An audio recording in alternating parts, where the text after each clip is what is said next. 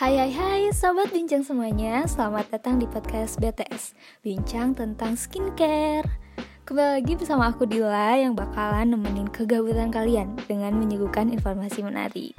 Pada podcast ini, aku bakalan bahas mengenai info-info seru dan juga berita terupdate seputar dunia perskincarean. Dan yang kakak serunya lagi nih, khusus episode ini, kita bakalan putar lagu-lagu yang asyik yang lagi ngehits akhir-akhir ini. So, pada penasaran kan apa aja yang akan aku bahas? Yuk kita mulai podcastnya sekarang.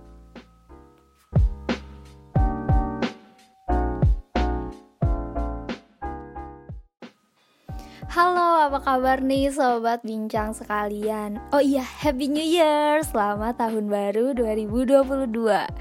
Di tahun 2022 ini semoga hmm, bisa lebih baik ya dari tahun sebelumnya. Amin. Meskipun udah ganti tahun, pasti di antara sobat-sobat kalian nih, aku tebak-tebakan aja ya. Pasti di antara sobat bincang sekalian ini masih ada yang struggling sama permasalahan kulit. Bener gak? Nah, buat yang masih struggling sama permasalahan kulit, Dila mau nanya nih. Hmm, kalian kan pasti udah fokus banget sama membersihkan wajah, mengoptim mengoptimalkan wajah kalian agar menjadi lebih baik lagi, melembabkan wajah kalian agar skin barriernya itu kembali pada kondisi yang bagus lagi. Tapi, pertanyaannya nih, Sudahkah kalian rutin melakukan eksfoliasi pada kulit wajah kalian? Nah, kan ketahuan nih, pasti lupa sama step yang satu ini. Ja, apa jangan-jangan kalian ngeskip step yang satu ini Aduh aduh sobat jangan pernah ngeskip step ini ya Step ini tuh sama pentingnya sama skincare-skincare yang lainnya loh Jadi nggak boleh di skip begitu aja Oke, baiklah, karena kayaknya sobat itu masih lupa atau masih gak peduli sama step ini, kita bakalan bahas aja mengenai pentingnya eksfoliasi pada kulit wajah. Oke, pertama, apa sih eksfoliasi itu? Eksfoliasi itu berasalan dari kata exfoliating, yang artinya pengelupasan. So, metode ini itu bekerja dengan cara mengelupaskan sel kulit mati yang terletak pada lapisan kulit terluar agar sel kulit barunya itu terlihat lebih bersih dan lebih cerah. Proses pengelupasan kulit mati itu bertujuan agar sel kulit baru bisa terbentuk kembali.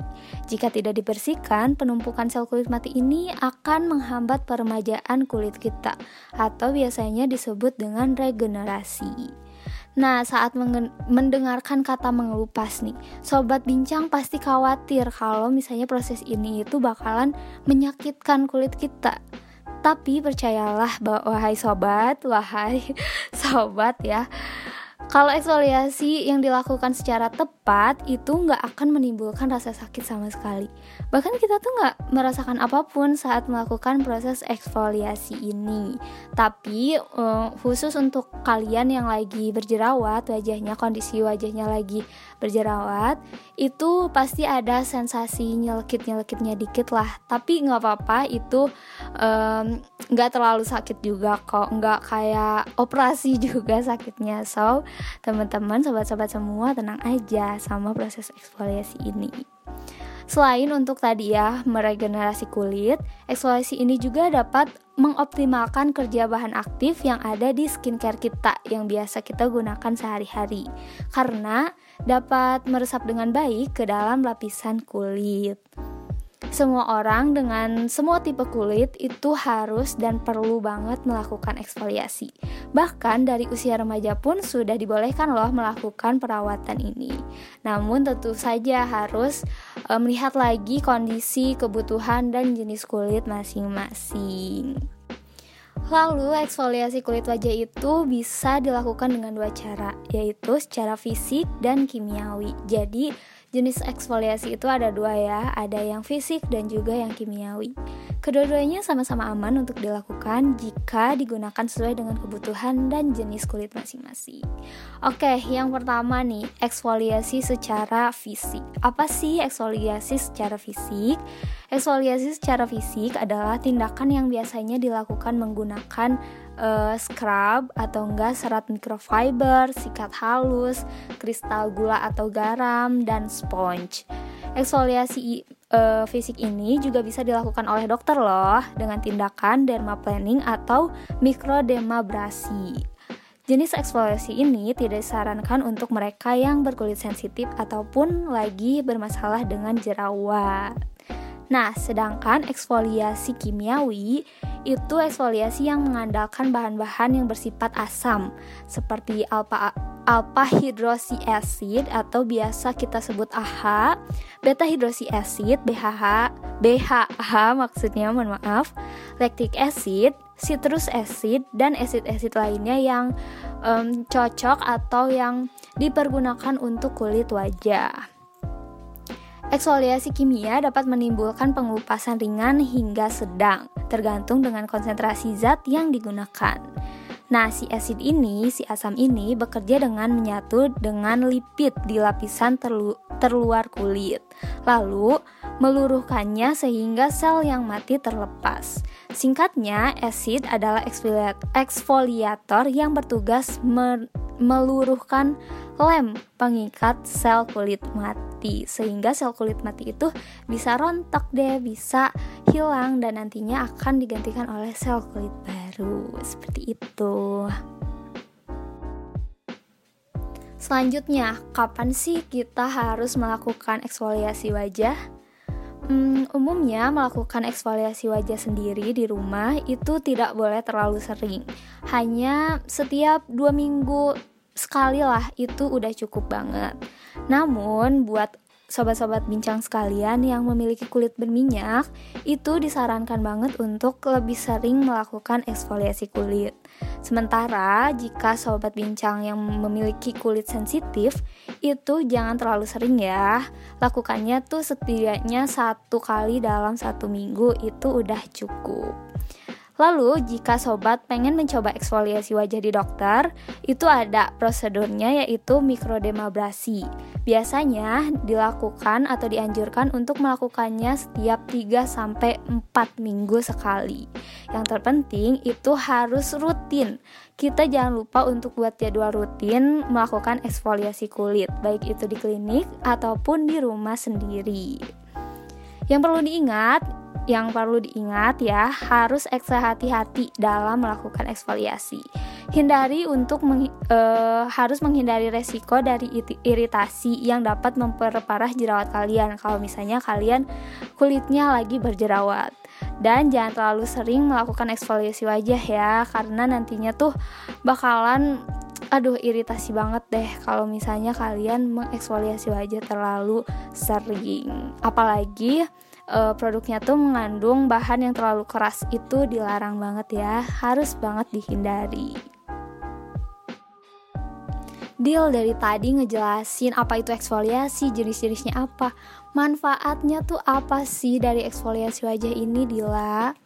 Hmm, oke, okay. manfaat eksfoliasi wajah, kulit wajah gitu ya. Hmm, secara singkat tadi tuh tujuan eksfoliasi wajah itu untuk meremajakan kulit. Manfaatnya adalah kulit yang lebih sehat, lebih cerah dan bebas dari masalah. Selain itu ada beberapa nih manfaat dari eksfoliasi wajah.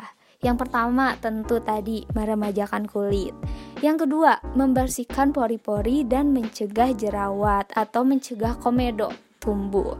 Yang ketiga, membantu menyerapkan membantu penyerapan, maaf, membantu penyerapan produk skincare. Tadi udah dijelasin juga ya di awal.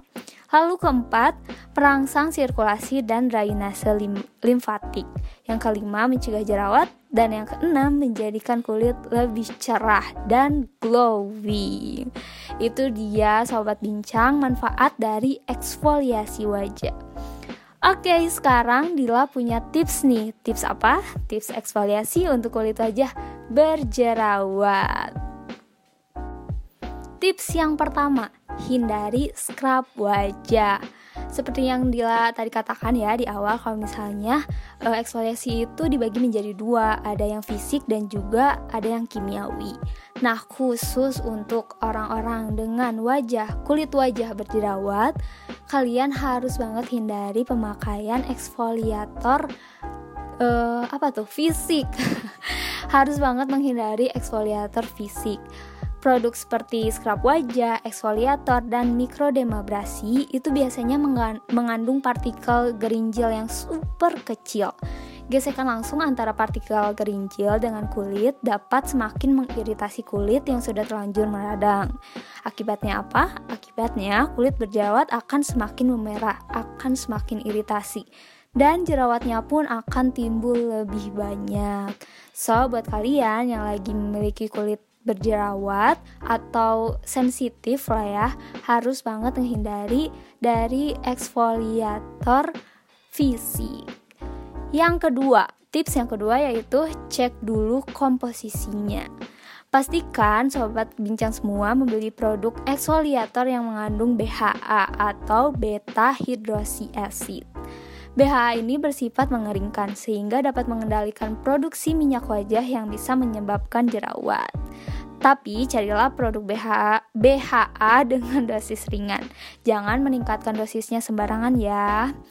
Untuk mengaplikasikan produknya itu cukup tuangkan eksfoliatornya ke dalam kapas, lalu mengaplikasikan ke wajahnya itu dengan cara ditepuk-tepuk sampai uh, ke seluruh permukaan kulit wajah. Jangan coba menggosoknya ya, karena kalau misalnya kita menggosoknya itu bisa menyebabkan iritasi juga pada jerawat. Karena itu kan sama halnya ya permukaan kapas tuh meskipun halus itu kalau tergesek itu pasti ya ada gesekan-gesekan kecil gitu nanti bakalan menyebabkan iritasi dalam jerawat-jerawat kalian. So jangan digesek ya cukup di tap-tap aja ditepuk-tepuk aja. Oke yang ketiga pemakaian pelembab pakailah pelembab memakai moisturizer setelah eksfoliasi. Eksfoliasi itu menyebabkan kulit Anda mengering sehingga memicu kulit untuk memproduksi minyak berlebihan. Maka setelah melakukan eksfoliasi, sobat bincang itu harus segera oleskan moisturizer ke kulit wajah sobat bincang. Pilih pelembab yang sesuai dengan jenis kulit ya, yang tidak menyebabkan kulit berminyak, yang tidak menyebabkan menyumbatnya pori-pori atau non-komedogenik. Perhatikan juga untuk selalu menggunakan produk wajah yang udah sesuai dengan jenis kulit sobat bincang semua. Jangan gunakan lotion badan untuk area wajah ya. Ingat, meskipun lotion badan itu sama-sama melembabkan, tapi fungsinya berbeda ya. Itu tidak disarankan untuk digunakan pada kulit wajah. So, jangan coba-coba deh gunakan lotion badan ke area wajah. Nah, itu dia sobat bincang informasi tentang eksfoliasi wajah. Sebelum uh, lanjut ke berita terupdate, kita dengerin lagu dulu yuk. Kita bakalan dengerin lagu yang akhir-akhir ini aku lagi suka banget. Kenapa? Karena lagu ini tuh bisa naikin mood aku ketika lagi melakukan aktivitas gitu sehingga aku melakukannya dengan semangat terus. So ini dia lagu dari Nicky Every Summertime. Selamat mendengarkan.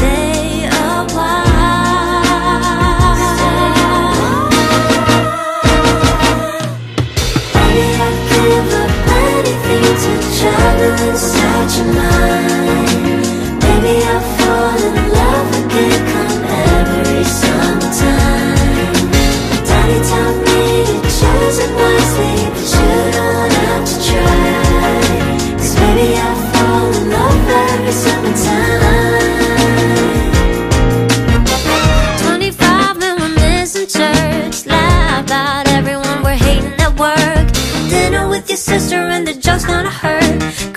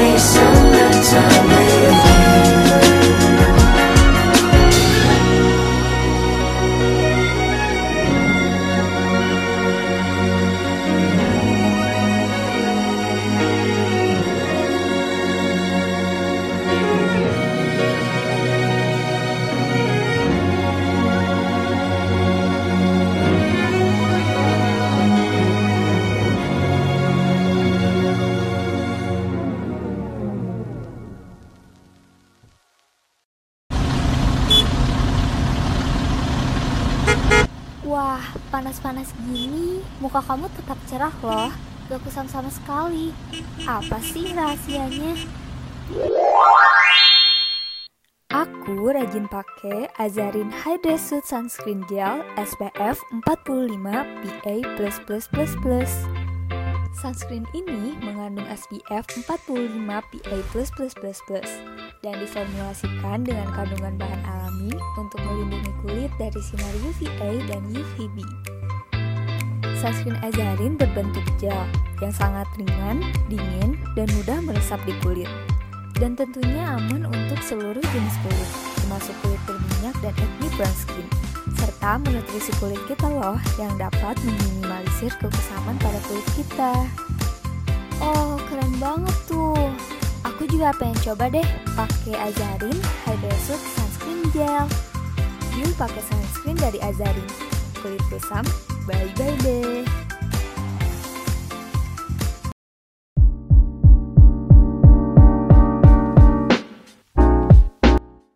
Masih bersama aku Dila yang siap nemenin sobat bincang semuanya. Dan kali ini aku bakalan ngebahas tentang berita terupdate seputar skincare nih sobat bincang. Berita kali ini mengenai kulit wanita yang gosong gegara hand body palsu. Seorang wanita asal Palembang, Sumatera Selatan menjadi korban dari hand body palsu. Kejadian ini diceritakan langsung oleh dokter estetika Sharon Dillon melalui akun TikTok at makeupxsharon. Melalui akun TikToknya, Dr. Sharon menunjukkan produk krim pemutih yang dipakai oleh pasiennya. Lotion hand body itu tampak tidak bermerek dan tidak memiliki nomor izin edar Badan Pengawasan Obat dan Makanan atau BPOM. Hal ini membuat Dr. Sharon curiga bahwa produk tersebut mengandung campuran hydroquinone dan steroid. Diketahui hydroquinone memiliki fungsi untuk memutihkan kulit secara cepat atau instan. Kandungan ini tidak dianjurkan sebagai salah satu kandungan dalam lotion pemutih karena penggunaannya dalam jangka panjang dalam 6 bulan atau lebih itu dapat menyebabkan efek samping berupa iritasi pada kulit, yaitu seperti perih, terbakar, kering, dan pada akhirnya kulit menjadi kehitaman. Untuk menyembuhkannya, Dr. Sharon menggunakan teknik Dermashine Rejuvenation, di mana darah pasien akan diambil untuk diubah menjadi serum yang akan dilaku- dioleskan ke kulit pasien tersebut. Teknik microneedling dan infus whitening platinum juga digunakan sebagai penyembuhan.